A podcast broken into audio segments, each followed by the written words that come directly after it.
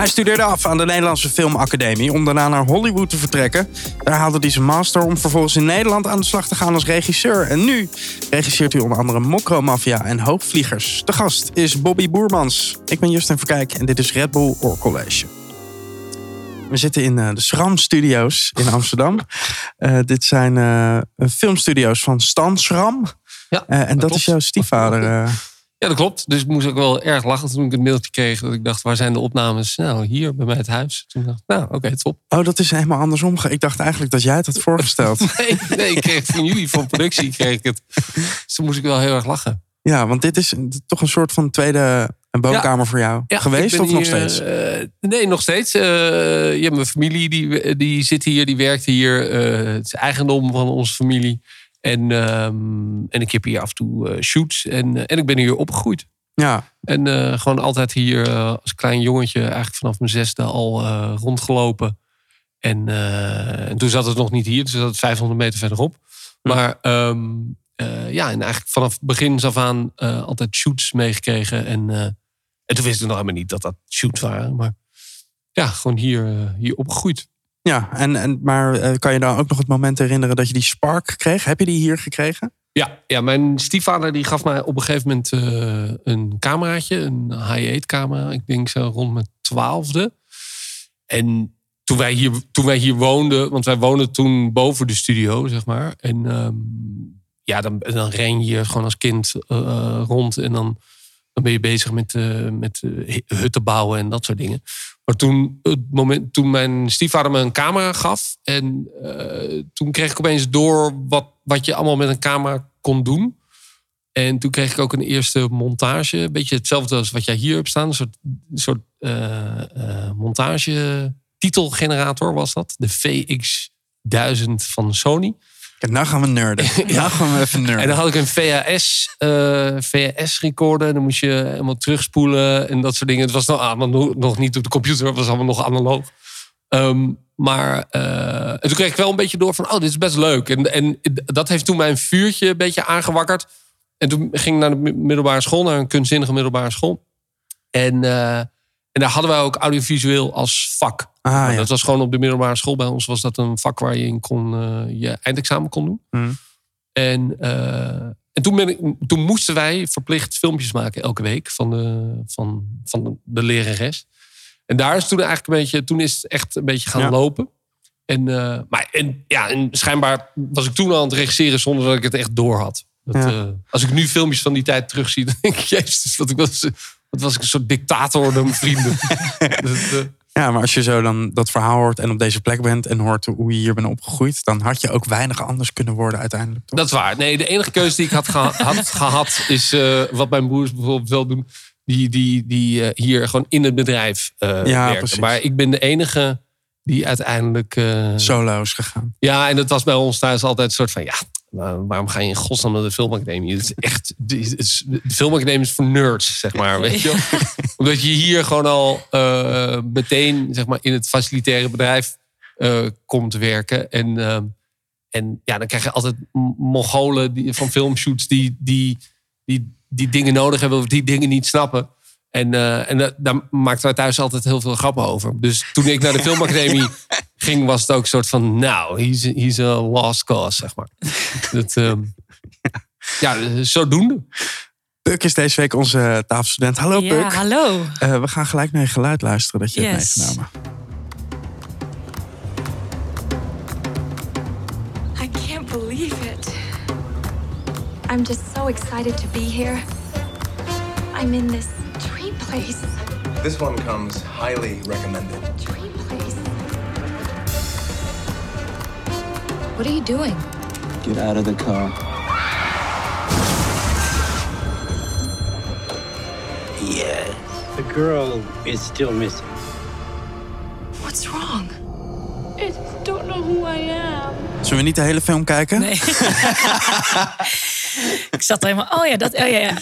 Uh, voor een triviantje is dit uh, Mulholland Drive. Ja, dat klopt. Ik zie het gewoon staan hoor. Ja, Ah, ja, ja.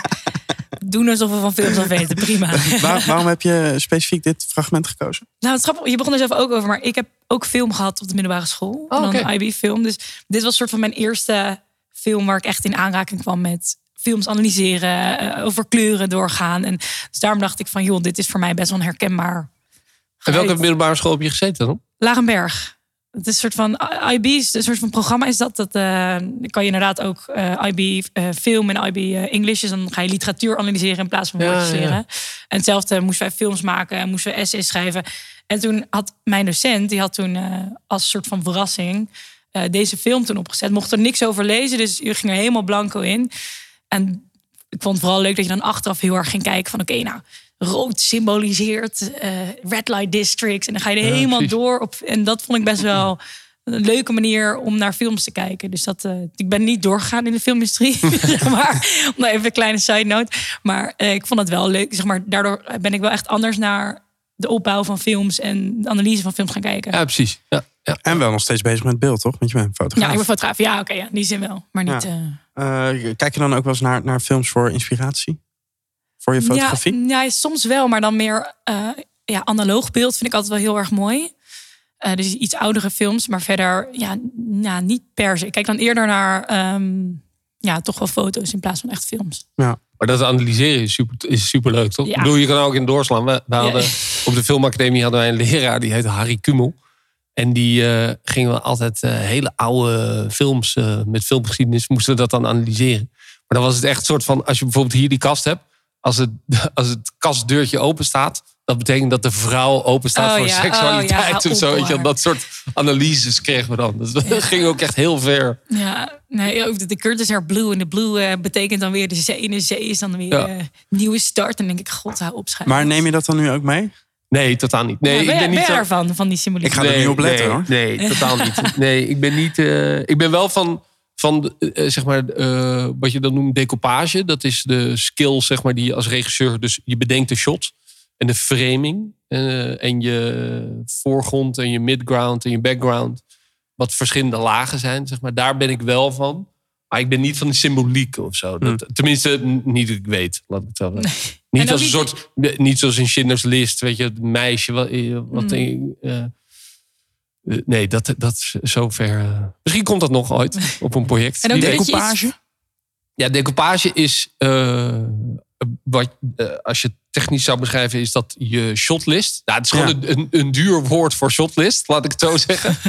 Ehm, ehm, maar het- eh, behalve dat decoupage misschien iets meer is. En eh, wat je daarmee probeert te, probeert te doen, is de, door de shotkeuzes die je maakt en de compositie die je kiest, creëer je een onderbewust gevoel wat ehm, of je personages kan versterken of bij de kijker iets kan oproepen. Ja. Zeg maar. Weet Maar je wel? als je- Dus als ik, van, als ik van beneden mijn camera zet, dan wordt een personage wat groter en wat, eh, wat eh, ik krijg wat meer overwicht. Ja.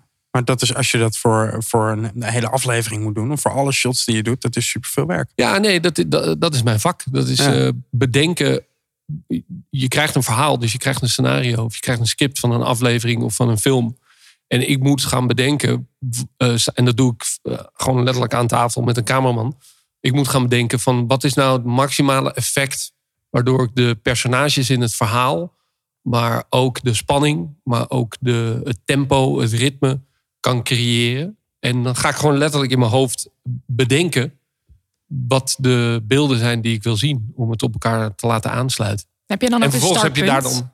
Dat je denkt, oké, je gaat zo zitten, je hebt net een nieuw, weet ik veel, allemaal nieuw werk gekregen. En dan ga je beginnen. En dan is het één ding waar je dan begint. Nou, het begint meestal, als je een script krijgt... dan is zeg maar de, je eerste read die je hebt van het verhaal... die is helemaal vers. Dus daar merk je dat daar beginnen je juices, zeg maar, je creative juices, zeg maar, te flowen.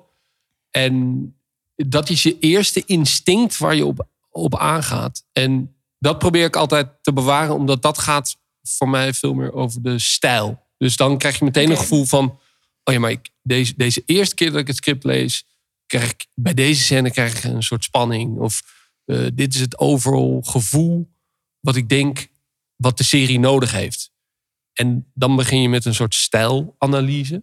En daarna eh, ga je in op het moment dat je zeg maar, je contract hebt gete- getekend en je gaat een film of een serie doen. Dan ga je er dieper op in. En dan kies ik meestal eerst de grote, ingewikkelde scènes. Dus eh, eh, nou, ik heb bijvoorbeeld een serie gedaan met F-16 vliegtuig. Nou, dan, dan dan weet je, ja, dat zijn hele ingewikkelde scènes. Die doen we eerst. En dan wat wij noemen walk-in-talk of huistuin uh, keukenscènes. Van eh, hier, zoals wij hier nu zitten. Zeg maar. Ja, dat... Ja, noem het maar gewoon. Nee, precies. Maar dat, dat draai je op, eh, op zich wel weg. En dat, dat, dat is gewoon je ervaring, zeg maar. Maar de ingewikkelde scènes, daar begin je dan meestal eerst mee. Terwijl we dit nu eh, opnemen, eh, loopt het nieuwe seizoen van Mokromafia. Ja. Seizoen 3. volgens mij brak de eerste aflevering gelijk allemaal gekke records. Dat eh, hoorde ik ook, ja. Hoe, hoe is de respons dan? Ja, heel goed. En, eh, en ik heb het geluk dat ik geen eh, acteur ben. Want eh, de acteurs staan zeg maar, qua bekendheid in de eerste linie. Die krijgen de meeste reacties. En bij mij eh, ontploft mijn DM van, eh, eh, van eh, allemaal gastjes die, eh, die acteur willen worden. en Zo. Wat goed. En dat, eh, nee, dat is heel, heel vlijend. En, ehm, alleen je kan niet eh, duizend gasten een rol gaan bieden of zo. En los daarvan doen we het. De keuze van alle acteurs doen we ook altijd met, met elkaar. Zeg maar. Ja. Met het creatief team. En, ehm, maar nee, ja, het is heel vlijend. Heel, heel, heel leuk. Eh, de, de, de, de afleveringen komen per week.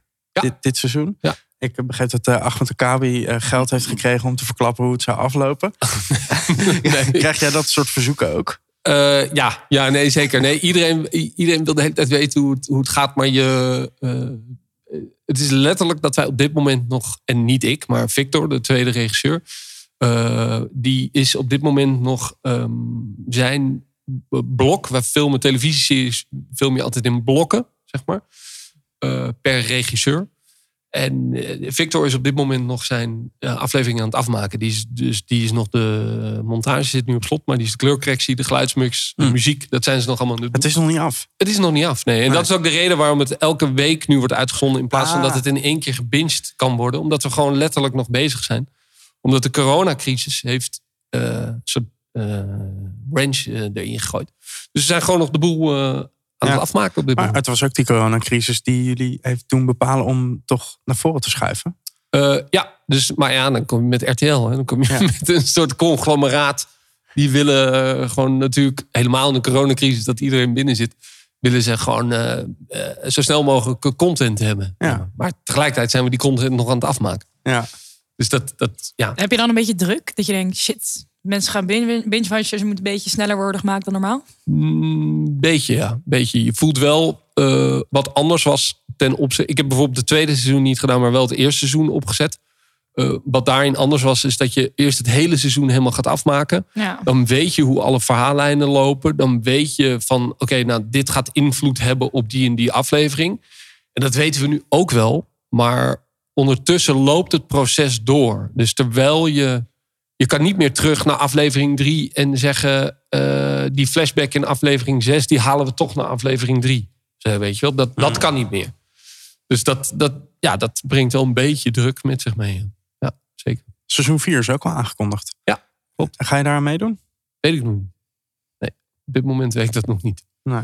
En dat, en dat, en dat eh, komt omdat, ehm, omdat eh, ja, je wil ook vernieuwing. Er zijn ook andere projecten. Ahmed is ook met andere projecten bezig. Dus op dit moment zijn we daarin over in gesprek. Ja, oké. Maar je zou zeggen, never change a winning team, toch? Zou je zeggen, Maar je hebt seizoen Eh, 2 ook niet gedaan. Nee, daarom. En, en Mokkermafia is ook een soort platform voor acteurs, voor regisseurs, voor mensen voor de camera, achter de camera, om zeg maar eh, in verder te groeien. En, ehm, en het is ook, wat ik ook heb gemerkt, ik heb bijvoorbeeld vier seizoenen Nieuwe Buren gedaan, is dat op een gegeven moment wordt de backstory die je moet meenemen. En het- is gewoon eh, best wel veel, ook televisieseries, en het is ook best ingewikkeld. Eh, dus het is ook wat dat betreft helemaal niet erg als er meerdere regisseurs of andere regisseurs opkomen. Want daardoor blijft het ook vers. Ja. Dat, eh, En toen dit op je pad kwam, had je gelijk het idee, dit kan wel eens gek groot worden. nee, nee. Ik dacht, het kwam al eerder op mijn pad. Tijdens Nieuwe Buren. En toen dacht ik eerst, nou, good luck eh, finding a director, zeg maar. Die hier zijn poot aan gaat branden. Ehm, en toen dacht ik, nou, dit gaat nou eh, alle moeilijke hippe regisseurs die, eh, die hier iets hips van willen gaan maken of zo. En toen na een jaar of anderhalf jaar of zo, dan kwam het weer terug op mijn pad. En toen vroegen ze me ervoor. En toen dacht ik van, oh, nou ja, dan hebben jullie dus niemand gevonden die zo gek is om zijn poten eraan te branden. Ehm, en toen ben ik er ingedoken in het boek. En toen, of in, in de, ja, want het, het eerste seizoen is losjes gebaseerd op een, op een boek. Ben ik dat boek gaan lezen en toen kreeg ik echt mijn maag draaide echt om. Toen dacht ik, wow, dit is wel echt super heftig. Ehm, maar ik had al voor Videoland en voor RTL veel gewerkt. En eh, die hadden volgens mij wel het vertrouwen in mij als regisseur. En ik merkte heel erg aan Videoland en aan RTL eh, dat zij niet echt wisten wat ze hadden aangekocht. En dat er een soort. Dat ik, ja, dat ik daardoor dacht van. Nou, volgens mij zitten, hebben ze gewoon geen idee. En gaan we gewoon leuk iets maken, zeg maar. Met, met, met de vrijheid die we hebben en de begeleiding. eh, helemaal in het eerste seizoen zat Thijs Reumer er nog aan verbonden. En, eh, en Ahmed. En hebben, eh, hebben we gewoon met z'n vieren echt iets eh, mogen maken toen. Eh, Giancarlo Sanchez zat er toen ook als regisseur op. En, ehm, en ik merkte gewoon heel erg aan RTL dat zij gewoon geen idee hadden. Ik weet nog de eerste lezing met alle acteurs. Zaten we in een hele grote ruimte. En ik zag RTL, ik zag de, de baas van RTL achter in de ruimte zitten. En ik zag, ik zag gewoon in haar blik: you, either you fucked up, or you, or you, uh, uh, or you made a great decision. Maar, was zou het dan een, een, eh, geen goede match zijn? Eh, nou, jawel. Maar wa- wa- wat goed is van, eh, van Videoland... is dat zij ons de vrijheid hebben gegeven. Kijk, Ja. je kan er ook heel erg op bovenop gaan zitten... en zeggen van ja, er moeten alleen maar bekende acteurs in... en het moet zo en zo en zo. Maar wij kregen gewoon heel erg de vrijheid... om te maken, helemaal in seizoen 1... om te maken wat we, wat we wouden. En nu is dat weer een soort formule, zeg maar... die in seizoen 2 en seizoen 3 moet door worden getrokken. En dat bedoel ik met met als je een serie doet, eh, eigenlijk is dat opzet is eigenlijk het leukst. Nou, Als je het mij vraagt. Hè. Eh, omdat je dan gewoon iets nieuws, creatiefs opzet. Maar zelfs Mokkelmafia is nu een formule. Zeg maar. En dat is super tof. Want het is een formule die werkt en die een nieuw publiek aanspreekt. En, en die eh, veel mensen de kans geeft ook. Maar ehm, Maar is dat dan voor jou zeg maar het, het recept voor een ja, succesvol voor jou dan? eh, eh, wat is het een opzet? Dat je gewoon juist de vrijheid hebt? Of vind jij het juist wel weer lekker om... Want je zegt ja, als het allemaal vaststaat, dan hoef je... Je zit je daar en hoef je tenminste niet gekke gezicht te krijgen van als je het presenteert. Nou, kijk, de, een film of een serie is gewoon een hele grote investering. En dan heb je het echt Ja. over miljoenen. Ehm, als ik dat geld zou hebben, zou ik ook niet een risico. Als ik een, eh, een aannemer in. Kijk maar even, jongens. Wil ik, wil ik, ja, precies.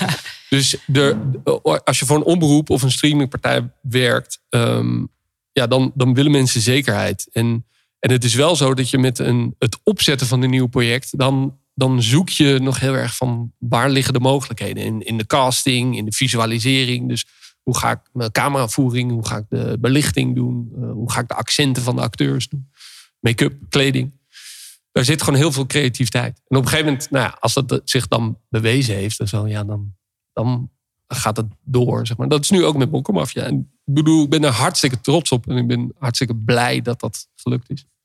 Je stipte net al, eh, even aan dat je een hoop DM's krijgt van aspirant acteurs, eh, jonge jongens die, eh, die een rol willen. Maar volgens mij, ja, ik heb een beetje het gevoel dat dat, dat het bij jullie veel meer is dan dat dat normaal gebeurt. Of is dit de normale gang van zaken? Zit iedere eh, DM Nee, dat- van de regisseur vol met... Nee, dat klopt. Ik denk voornamelijk omdat eh, de doelgroep heel erg eh, gewoon op Insta zit en zo. En, en alle andere kanalen. Ehm, en ik denk dat er ook helemaal, ook binnen de Marokkaanse gemeenschap en gewoon binnen de fans van Mokkomafia, is er, wordt ook geen blad voor de mond genomen. Het is gewoon, yo bro, geef me een rol. Ja, ja, ja. En dan, ehm, eh, of ik wil een seizoen, of ik heb zoveel volgers en dus je moet me casten. Maar het, het, het, het, wat mensen niet begrijpen, of schijnbaar slecht begrijpen, denk ik, is dat dat juist zeg maar tegen je werkt. Hmm. Eh, zo, zo werkt dat eh, gewoon niet. Weet je wel? De- juist het feit dat als je veel volgers hebt, is voor ons een reden om je juist niet te casten. ja. Omdat we juist heel erg op zoek zijn naar authenticiteit en, en iets eigens. En, ehm, ehm, maar het helpt natuurlijk wel ook in figuratie en dat soort dingen. wel. Ja, maar goed, je, je staat er, jullie staan er met Mokromafia bekend om eh, in ieder geval mensen kansen te geven. Ja, ja zeker. zeker. Dus we hebben Osama, die in het eerste seizoen eh, Muis speelde. Nou, Bilal, die had ik, ken ik al van een andere film die ik had gedaan. En eh, nu met Komt Goed, dit derde seizoen, die, die had een figurante rol in eh, seizoen Hmm. 2. Dus ehm, ja, we, we proberen wel onze ogen open te houden voor talenten of zo. En met, met Osama was het ook... eh, dat ging in, in het begin niet helemaal goed, toch? Nee joh, ik weet nog de eerste keer toen hij binnenkwam, had hij zonnebril op. Eh, had volgens mij, eh, had volgens mij ketting op, hij had de telefoon. goed. hij, ging, hij ging onderuitgezakt zitten, hij keek ons niet eens aan. Eh, eh, echt zo'n straatschoffie. En die ging gewoon, joh, die, die, die dacht ik doe dit wel even. En ik weet nog de eerste auditie van hem. Toen dacht ik, nee man, ik, no fucking way dat ik met deze gast kan gaan werken. En toen zei de casting director, eh, die zei toen van, nou, geef hem gewoon nog een kans. En Ahmed en Thijs waren ook behoorlijk ervan overtuigd. En ik was eigenlijk al best wel klaar met hem. En toen kwam hij, een paar weken later, kwam hij toch weer terug. En toen merkte ik, op het moment dat hij zijn... Je hebt altijd, als je de casting inkomt, heb je een lezing. Dat doe je even een droge read, zeg maar. Om even de tekst te laten flowen. En toen merkte ik dat hij het papiertje wegschoof. En dat hij de tekst uit zijn hoofd eh, kende. Nou, kan je zeggen, dat is het minste wat een acteur moet doen. Maar, ehm, eh, maar dat was voor mij wel een teken van... oh, hij is Er is wel is een soort van motivatie. Er, is een motivatie geweest dat hij iets heeft gedaan, zeg maar. En toen zijn we hem daarna gaan uittesten en gaan hem volgens mij nog een keer laten terugkomen. En ja, dan neem je wel een fucking risico. En ik weet nog dat ik een gesprek had met hem en zijn begeleider, volgens mij. Ehm, eh, in van, nou, dit is wat daar staat te gebeuren. En dit is wat je, als je je daaraan commit en je eh, motiveert jezelf en je, je houdt een bepaalde mate van discipline, dan zal het enerzijds waarschijnlijk je leven gaan veranderen. Ehm, maar het is ook een stuk techniek wat erbij komt kijken. Weet je wel, de cameravoering, je mark hitten, je tekst zeggen, je tekst leren, je call sheet ontvangen. Er zit ook gewoon een heel stu- stuk techniek achter. En dat moest hij nog leren. En toen heb ik hem echt zien groeien in dat hele seizoen. Als, en dat, da- stiekem ben ik daar eigenlijk, misschien los van het succes van Mokko Mafia, ben ik daar eigenlijk het meest trots op. Dat ik letterlijk een jongen heb zien, eh, gewoon van de Vogelsbuurt van hier eh, in Noord. eh, tot, tot een jongen die gewoon heel gemotiveerd was in iets wat zijn passie werd. En dat is super tof om te zien. Ja. ja, dat je iemands leven verandert ook gewoon. Ja, ja. En, en, en hij, was, hij, hij kwam op de set erbij. Hij kwam, hij kwam af en toe, zelfs als hij geen draaidag had, kwam hij bij mij achter zitten, achter de monitor. Hij wou gewoon heel erg leren. Dat, Ja. eh, dat, daar ben ik stiekem eigenlijk nog trotser op, misschien dan de serie zelf. En hoe belangrijk is het om, om de hele tijd van die nieuwe frisse gezichten te hebben? Ja, ja eh, belangrijk. Dus nu dit seizoen met Komt Goed. En ja, tegelijkertijd heb je wel een soort main cast die vast moet blijven. Omdat daar ook de, de, de kijker, zeg maar, ehm, zo'n connectie mee maakt. Maar het is ook fijn om af en toe nieuwe... En dat, en dat is ook een soort ding wat ik heel erg heb geleerd met Mokkomafia. Is dat je als regisseur ook risico's moet durven nemen. En je kan wel de hele tijd... En ik denk dat ik daarvoor voor Mokko Mafia veel, veel meer op zee spelen. Dus bekende acteurs casten, weten wat ze gedaan hebben, weten dat ze ervaring hebben, dat ze die rol kunnen dragen, dat ze technisch het kunnen beheersen. Terwijl met Mokko Mafia, en dat is echt ook door Ahmed en door de casting director, ehm, ben ik veel meer gaan inzien dat je door risico's te nemen, krijg je een soort spark. En die kan goed uitvallen, maar die kan ook slecht uitvallen. In alle eerlijkheid. Hm. Dat, dat merk ik ook. Zeg maar. het is door je, soms hit je hem en denk je: wauw, oké, die acteur die we hebben gecast, die, die, die raakt het personage wat het moet zijn. En soms maak je ook een gruwelijke fout. En dan denk je: oeh, dit moet ik gaan redden Kan in je de daar montage. een, een voorbeeldje van Nee, dat ga ik niet doen.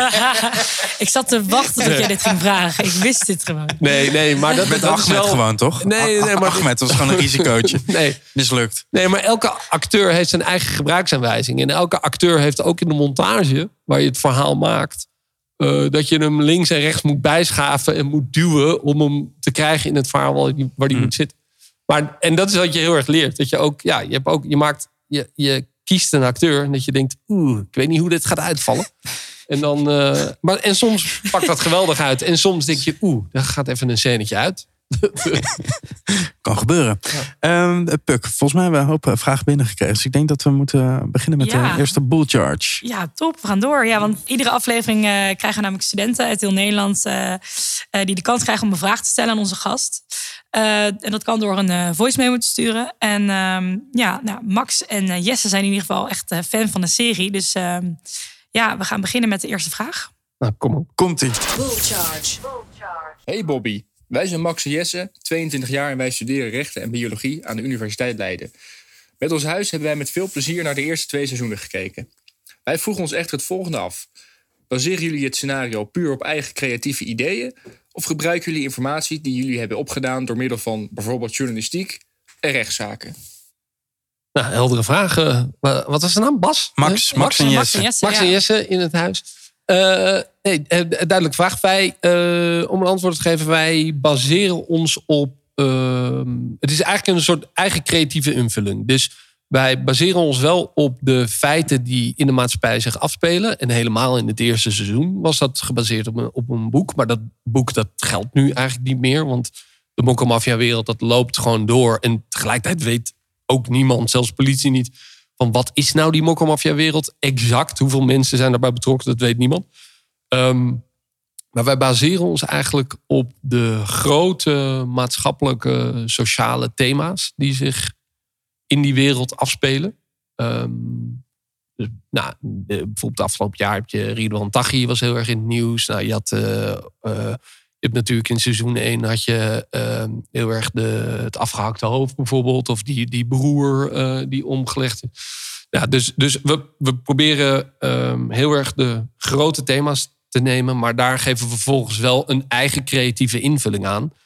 Omdat we A, ehm, als je echt één op één de feiten gaat vertellen. Dan wordt het een soort heel droog feitenrelaas. Wat niet dramatisch interessant is. En eh, B, je wil ook gewoon geen gezeik. Ehm, als je je echt eh, hardcore op, op het echte verhaal gaat, eh, gaat richten. Dus we, we proberen. En, en dan zijn die personages ook niet zo interessant. Dus de, het schrijversteam neemt heel erg de, kijkt heel erg naar de grote gebeurtenissen. En probeert daar dan een eigen creatieve invulling aan te geven. Ja. En hoe is het dan om toch zo dicht tegen die realiteit aan te werken? raar. Want soms eh, tijdens het draaien haalt de realiteit je in. Dat, eh, dat gebeurt ook. Eh, we, hebben, we hebben situaties gehad dat we ergens in een buurt wilden draaien. En dat het niet kon omdat er net iets gebeurd was. Hmm. Ehm, en er, of er was een liquidatie gebeurd. Dus dan zeiden opeens de, de locatie-eigenaar... nee, kom maar lie- liever even nu niet. Kom maar over een half jaar terug. Ja. En, eh, ehm, dus het is heel raar. En op het moment dat er dingen gebeuren, zeg maar. We hebben dan een appgroep. Eh, dus we houden het wel scherp in de gaten. En dan sturen we gewoon krantartikelen of nieuwsberichten of whatever. Dat sturen we Ja. wel. En dan maken Ahmed en schrijvers die maken dan de keuze van hoe ze de verhalen gaan insteken. Je zei net eh, hè, dat je eh, juist die, die verhalen een beetje aanpast, zodat, het niet, zodat je geen gezeik krijgt. Ja. Ben je dan nooit bang voor sommige partijen dat dat het ze toch ineens een beetje te dichtbij komt misschien? Nee, ik denk het. Nee, niet, ehm, nee, niet direct bang. Ehm, en ik denk ook, dat was wel in het eerste seizoen wel hoor. Toen wisten we echt niet van hoe gaat dit vallen, weet je wel. Want je probeert ergens ook gewoon een serie te maken die tof is, weet je wel. Je wil ook gewoon een toffe serie maken voor het publiek. En ik bedoel, dan zou je ook kunnen zeggen, ja, eh Penosa of The Wire of Sopranos of dat soort series mogen, zouden dan ook niet mogen, weet je wel. Nee, maar ik heb het Ehm, niet over niet mogen. Hè? Nee, maar nee, precies. Maar of krijg je er repercussies? Ehm, nou, het eerste seizoen wel hoor. Het eerste seizoen hebben we uiteindelijk ook echt besloten om een titelkaart heel duidelijk voor de serie te zetten. Eh, om aan te geven, we gebruiken geen echte namen. Het is fictief. Ja. Ehm, het is een eigen creatieve invulling. Ehm, en ik denk nu dat iedereen wel heeft gezien eh, van dat het ook gewoon een toffe serie is. En dat het ook een inkijkje geeft in die wereld. En ook een inkijkje in hoe die gasten in die wereld belanden. En dat het ook niet zoveel oplevert uiteindelijk. Uiteindelijk ga je of dood, of je belandt in de bak, of eh, je moet naar buitenland vluchten. Of je hebt heel veel, hebt heel veel geld. Ja, maar we weten nog niet. Ja, maar we weten nog niet. Voor de er luisteraars die geïnteresseerd zijn. Mocht je in de drugstransport willen. Hier nog wat je tips van Ja, Bobby. Eh, en krijg je wel eens reacties uit het milieu, zeg maar? Het milieu waar, waar jullie zo'n serie over maken? Nee, Van, hey, dit nee. klopt niet, jongens. Nee. Nou ja, jawel. iedereen, laat ik het zo zeggen, iedereen heeft een mening daarover. En iedereen doet altijd zo stoer dat ze uit die wereld komen. Of ik ken die, of ik ken, eh, ik ken die. Of ik, ik, heb, ik heb ooit met Tachi, eh, was een vriendje van me. Of dat soort dingen, weet je.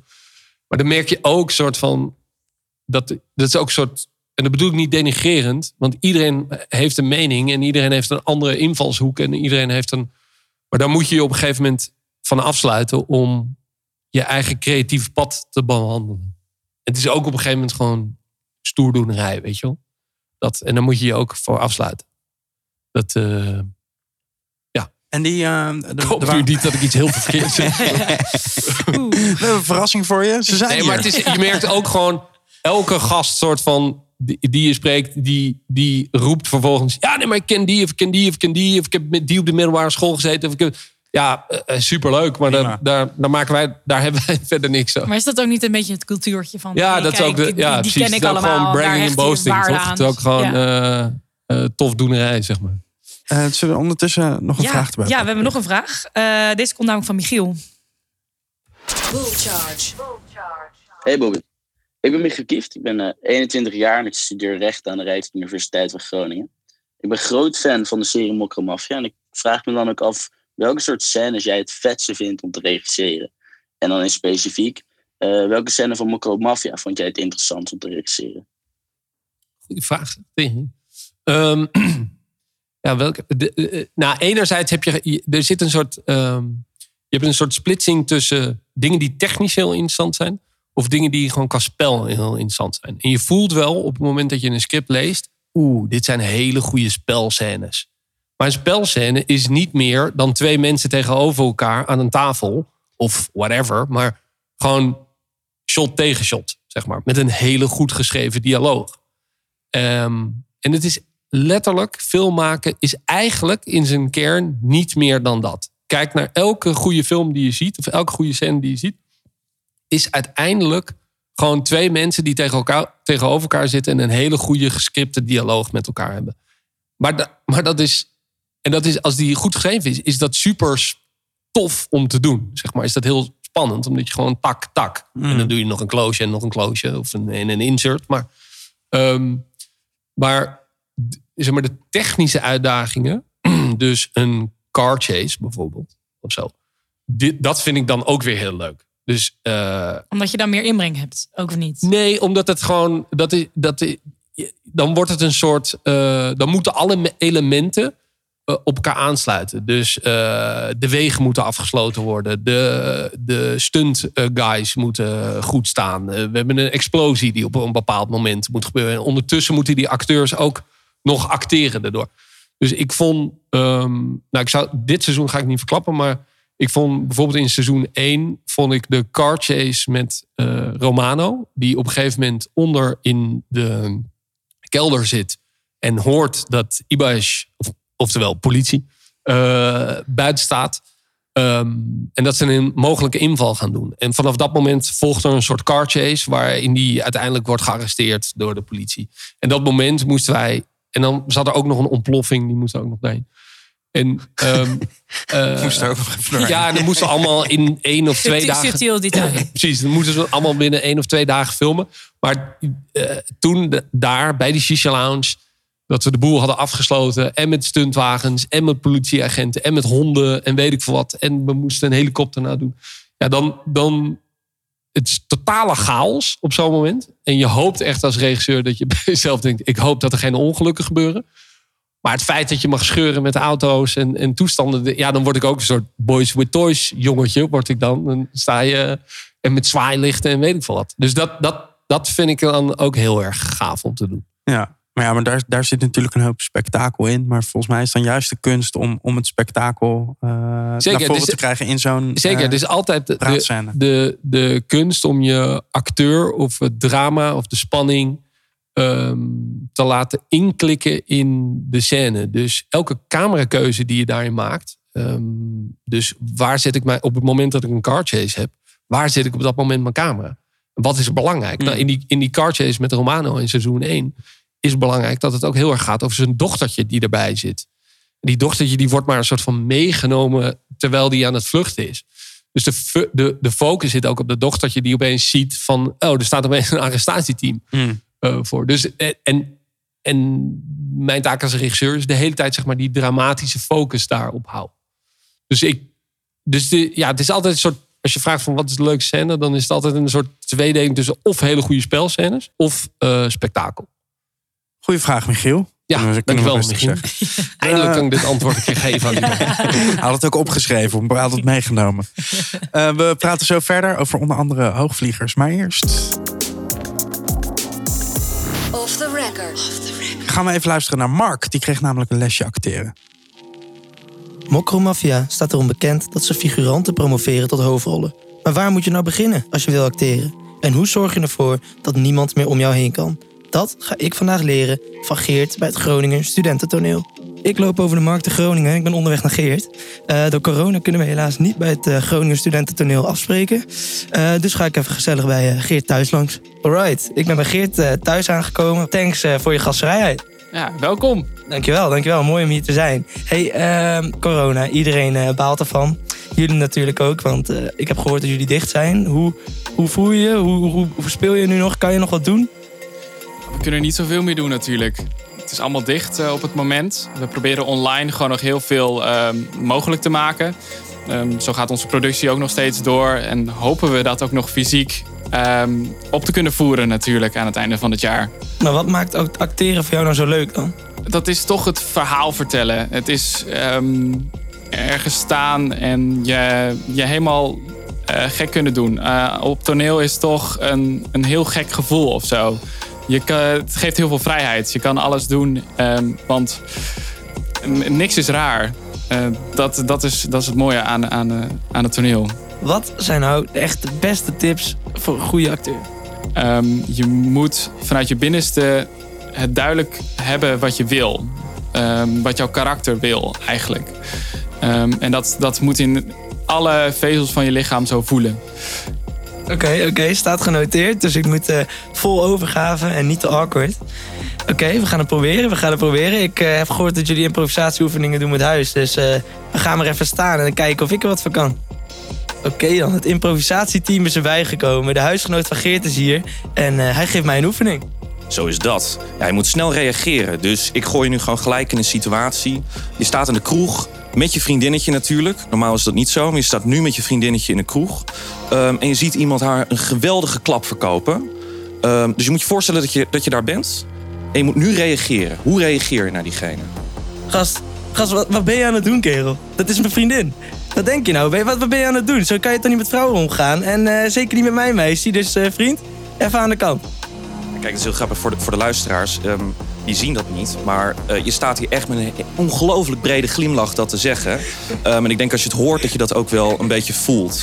Dus eh, ik zou zeggen, doe het nog een keer. Maar probeer het echt te voelen. Probeer, of het is je moeder, of weet ik veel. Het is je hond. Eh, maar zo- zonder lachen.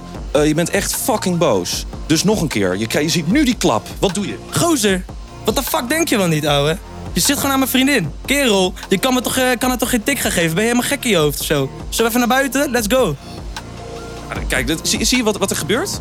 Dus als je, als je het, ik denk als je het nog vaker zou doen, dat, dat je nog bozer kan worden. En ehm, dat is een oefening bijvoorbeeld. Je moet je echt inleven, wat Geert al zei. Ja, ik moet zeggen, die tweede keer zat ik er aardig lekker in volgens mij hoor. Tipje, focus, grijns van mijn gezicht. Ik sta nu weer vol te lachen, maar eh, die ging goed. Hey, eh, thanks voor de tip. Nou Geert, huisgenoten, dank jullie wel. Graag gedaan. Ik eh, heb me even goed ingeleefd. Ik heb goed naar je tips geluisterd. En eh, ik denk dat als ik ooit auditie wil doen voor een rolletje, misschien wel een Mokromafia, dat het met jullie tips zeker goed moet komen. Dank jullie wel. Eh, Bobby, Mokro Mafia is niet je enige toffe project. Eh, je had het net al even snel over, over hoogvliegers. F-16's eh, in de lucht. Eh, een serie over Nederlandse F-16 piloten. Ehm, heb jij gewoon geluk of, of zoek jij juist dit soort series op? Ik, ik denk dat ik en geluk heb, maar ik zoek ze wel op. Ja. Dus het is wel een keuze van de projecten waar je instapt. En ik probeer wel eh, altijd een keuze te maken op iets waarvan je denkt... of het kan goed gaan, of je gaat vreselijk op je bek. Ehm, want die middle of the road dingen of zo, dat, daar, dat, ja, dat, de, Dat vind ik gewoon niet. Er moet altijd een uitdaging in zitten. Zeg maar. Je moet iets te bewijzen hebben. Of als regisseur of, ehm, ja, of als maker. En ja, in het geval van Hoogvliegers werd ik op een gegeven moment gebeld door de producent. En die zei: eh, Ik wil een serie maken over straaljagerpiloten. Ehm je moet eigenlijk dus zeggen vliegers bij de Koninklijke Luchtmacht. Ehm, maar Straaljagervliegers? eh, nee, Of ja, gewoon gewoon, vliegers? vliegers. En, ehm, ehm, en toen werd ik gebeld door de producent. En die, die vroeg van, heb je zin in een, in een serie daarover? En toen dacht ik, nou, je bent gek in je hoofd. Want hoe wil je dit ooit gefinancierd krijgen? En hoe ga je dit ooit van de grond krijgen? En, maar toen heb ik ja gezegd. En toen ehm, zijn we eigenlijk drie jaar lang bezig geweest met de ontwikkeling. En toen werd mij steeds meer duidelijk dat de Koninklijke Luchtmacht en het ministerie van Defensie eh, steeds meer backing gaven aan het project. En eh, het ook echt gingen supporten. En toen op een gegeven moment toen zat ik in Arizona. Want daar worden de Nederlandse jachtvliegers worden daar getraind. Die, die doen hun, hun trainingsopleiding daar. Omdat je daar een veel groter luchtgebied hebt. Waar je vrij en eh, low altitude kan vliegen. En toen was ik daar bezoeken. En toen zei een van de commandanten daar. Die zei, wat heb je nodig om de serie te maken? Nou, en toen riep ik heel brutaal. Nou, drie F-16's, eh, twee Apache-helikopters, eh, eh, twee Chinook-helikopters en nog, eh, Boodschappenlijstje. nog... Ja, gewoon echt letterlijk een boodschappenlijstje. En toen zei ze, nou, dat is goed. ehm, maar die Chinook, moeten we even kijken of daar de camera wel in kan. Want het Nederlands elftal heeft daar ooit een eh, bla bla bla. Maar voor de rest, dat moet eigenlijk allemaal wel lukken. En toen dacht ik, oeh, oké. Dat betekent dat we gewoon serieus deze serie gaan maken. En toen heb ik heel veel research gedaan. Toen ben ik naar de NAVO-oefening geweest. Ben naar Jordanië geweest, naar een actieve oorlogsbasis. Om daar hebben we ook beelden gedraaid die ook in de serie zitten. Ehm, en toen ben ik eigenlijk ja, bijna drie jaar lang met die gasten van de luchtmacht opgetrokken. En eh, ja, dat was fucking crazy. Echt fucking crazy. Ja. Gewoon, eh, eh, het is zo'n zo'n mega experience ride om opeens in een vliegtuig te zitten en twee, eh, twee F-16's naast je te zien hangen en dat te mogen filmen. Ja. In allemaal verschillende landen en, en met een budget van eh, 3,6 miljoen euro, als ik het goed heb. Ja, nou is dat budget nog vrij laag. Maar doordat de, de eh, luchtmacht eh, faciliteerde, zeg maar, in de, ik bedoel, alleen al aan jetfuel wat we er doorheen hebben geramd. eh, ja, daar kan je een flink huis van bouwen. Maar ehm, Het is wel goed het dan boven ook misgaat. En jongens, nog een rondje. ja, nee, en dat, is, dat, maar, en dat vond ik heel erg tof. En, en om terug te komen op je vraag, kies je je projecten. Ehm, die- eh, daar was het heel erg een ervaring van in de lucht draaien. Is een totaal ander eh regiespectrum, zeg maar. Want, want tegen een acteur op de grond kan je zeggen... doe even drie stappen achteruit, doe nog een take. Ja. Met een F-16, die, ja, die is gewoon alweer twee kilometer verder... voordat je kan zeggen, kom eens even terug om weer een retake te doen. Ondertussen hang je in de lucht en is je hele ondergrond veranderd. Eh, dus die mooie brug of die mooie berg in de achtergrond... die is alweer vijf kilometer ver- verplaatst. Mega ingewikkeld. Heel ingewikkeld. Maar juist dat daarin, dat was super ingewikkeld. Echt technisch. En, eh, ja, maar tegelijkertijd was het een mega ervaring. Want je staat gewoon eh, de ene F-16 naar de andere F-16 eh, knalt om je heen. Bewijzen series als, als Hoogvliegers en Mokromafia dat we nu in Nederland echt die potentie zien in eh, Netflix-achtige series? Ja, ik denk het wel. En, maar dat heeft niet alleen met die series te maken. Dat heeft ook met beleidsmatige dingen te maken. Dat komt omdat het eh, Filmfonds onder andere... en de publieke omroep en, en alle partijen die financieren... die hebben echt te- tegen zichzelf gezegd, al drie, vier jaar geleden... oké, wij gaan investeren in televisieseries. Ja, en, en als je kijkt naar die streamingplatforms, die hebben de, de wereld ook gewoon kleiner gemaakt, toch? Ja, Door, zeker, ik zit een, eh, een, Ja. een Spaanse serie te kijken of een eh, Mexicaanse serie. Ja, ja, het, maar zij de- zitten daar net zo goed een Nederlandse serie te kijken. Ja, de Golden Age of Television heet het. Dus eh, er wordt heel veel gemaakt. En dat, dat vind ik ook lastig. Want er wordt zoveel gemaakt dat je het niet meer bij kan houden. Hmm. En ik ben zelf best wel een bioscoopman. Dus ik, ik, ik, ik, ben heel blij dat die streamers zeg maar, eh, eh, het zo goed doen. En dat, en, en dat er daarvoor door veel gemaakt wordt. Maar ik hoop wel dat de bioscoopervaring eh, bewaakt blijft. Heb je al eens een bioscoopfilm gemaakt? Al twee, ja. ja. Ik heb eh app gemaakt. Dat was een Oh ja, ja. film waar je met telefoons in de bioscoop kon, kon zitten. En dan kreeg je op je telefoon, kreeg je, terwijl de film liep, kreeg je andere camerahoeken te zien. En andere instellingen en andere plotmatige details. En ik heb een film gemaakt, Vissa. Dat was een comedy, een soort Nederlandse Project X. En het, het is grappig, want mijn huisgenoot is echt enorm fan van deze film. Zeg maar, ik moet standaard als zij soort van brak is, moeten op de bank en dan is ze Van weer- Vissa? Van Vissa. en dan zit er, Emily die is altijd van, nee jongen, moeten we niet eventjes eh, weer Vissa opzetten? En als iedereen zegt, joh. En die kan, er, geen- die kan er geen genoeg van krijgen. Dus het is nog steeds een succes hoor. Ja, nee, dat, ja, hij staat, ik weet niet, volgens mij staat hij nu op Videoland of Netflix. ja, ik staat weet op het niet. eh, Videoland, ja. En ehm, nou, dat was, eh, daar was ook een beetje mijn uitdaging van ja, ik wil gewoon een soort Nederlandse Project X maken. Weet je wel, gewoon lekker losgaan met z'n allen. En ik had een hele leuke middelbare schoolperiode. En ja, Ja. laten we dat gewoon verfilmen. Weet je wel. Laten Dus dit is een beetje gebaseerd op jouw middelbare school. Nou, los dat ik, dat ik niet. Nee, niet. Maar ja, wel, wel gewoon zeg maar die, die losgaan op je middelbare school. Dat, eh, eh, ja, en het is ook zo leuk. Het is zo leuk om een, om, een, om een comedy te maken ook. En ik merk ook dat ik daar nu heel erg in gevangen zit. Qua van ergens maak ik een soort van hele donkere shit met de actie en weet ik wat, een Ja, ja. spektakel. Maar ergens vind ik comedy gewoon hartstikke leuk om te doen. Maar dat, dat is gewoon omdat, omdat je. eh, nou ja, comedy is gewoon heel erg leuk. Maar ook eh, de, de, de draaiperiode, daar ben ik ook achter gekomen. Op het moment dat je zeg maar, iets maakt wat heel zwartgallig of, of duister. Of met Mokkelmafia is vaak in de winter en het is koud en weet ik veel wat. Maar een comedy is altijd heel licht. En, en dan kom je ook op de set 's ochtends. En we moeten met film moet je helemaal best wel vroeg opstaan. Moet je om half zes eh, 's ochtends je, je nest uit. Ja, kijk maar niet aan. Ja, en dan. ehm, eh, maar met de comedy wordt dan, dan op het moment dat de creative juices zeg maar lopen om acht uur 's ochtends, dan is het ook hartstikke leuk om te doen. En dan lig je om negen uur lig je al in een deuk, zeg maar, bij je eerste scène die je hebt gedraaid. Dus dan is het hele proces van het maken van een film, eh, van een comedyfilm, is ook veel lichter. Zeg maar. dat, want het gaat echt in je DNA zitten als regisseur. Eh, terwijl als je een soort van moeilijke straatshit zoals Mokkelmafia gaat doen, ja, dan word je zelf thuis ook beetje duister. Ook een beetje straat. Lekker op, man. Voor, eh, En naar je vriendin. Dus eh, eh, ja, dat gaat gewoon in je DNA zitten. Maar moet je dan nu niet, omdat je dat is maar helemaal vrolijk, nu een beetje de duistere periode, maar even zo te worden. Heb je dan nu niet dat je denkt, ja, ik heb even comedy nodig, weer even iets fris. Ja, nou ja, af, ja, ja, daar zit ik wel eh, zo naar te kijken. Van wat zijn de projecten? Het is niet dat ik tegen mezelf zeg van, nou, ik moet nu een comedy hebben om uit mijn persoonlijke Ja, ja. moed te komen of zo. Dat niet. Maar ik weet wel dat ik comedy ook heel erg leuk vind om te doen. We hebben nog een vraag, Puk. Ja, Van wie is die? Dit is de vraag van Koen. eh, en die ehm, gaat over de corona en de filmwereld. Dus eh, nou, we gaan het horen. Ik ben Koen, 20 jaar en eh, ik studeer technische bedrijfskunde aan Avans in Tilburg. Eh, wat ik wil weten is eh, hoeveel impact heeft de coronacrisis gehad op de Nederlandse filmwereld? Goeie vraag.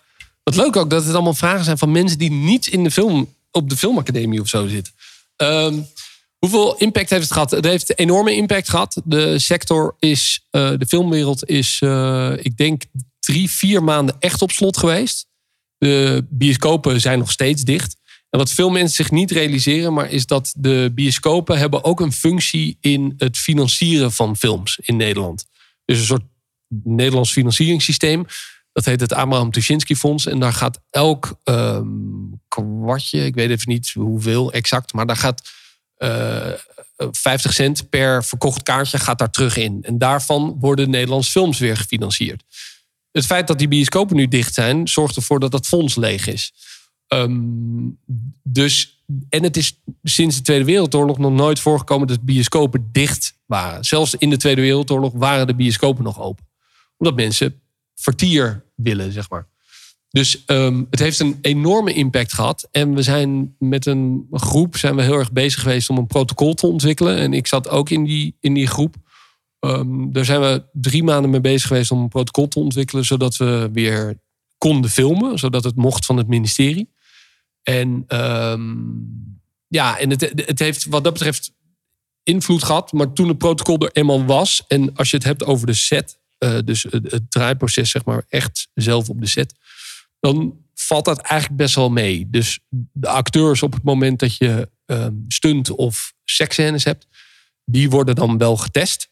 Ehm, maar wij hadden op de set bijvoorbeeld gewoon ja, allemaal mondkapjes op. Ehm, we lunchen apart, dus met eh, anderhalf meter ertussen. Op het moment dat we lunch hebben, dan moet iedereen zijn handen wassen. Dus we hebben een social distancing manager op de set gehad. Dus we hadden wel allemaal voorzorgsmaatregelen op de set. Maar die, dat, dat filmen zelf, dat ging eigenlijk best wel. Behalve dat het gewoon tyfus heet was afgelopen zomer.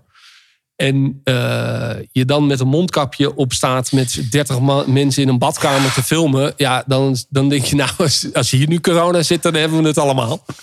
Dus, ehm, eh, en we hadden dan eh, achtervolging, rennen en zo in die hitte met een mondkapje op. Dat is Niet inhalen. Mag mag niet Nee, inhalen. precies. Dat is, en wat gewoon heel, wat, waar ik achter ben gekomen, wat heel vervelend is, dat als je een mondkapje op hebt, dan zien mensen je expressie niet.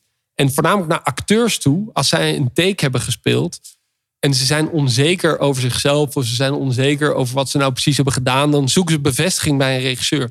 En als je dan iets zegt met een mondkapje op, maar je, je, je hand, of je, je, je, ze zien je expressie niet, dat is heel vervelend. Want het is toch een soort. Nou, dan moet je gewoon zo'n doorzichtige ding nemen. Nee, zeker, maar dat, dat is. Ja, of knipoogjes. Hey. Zeker.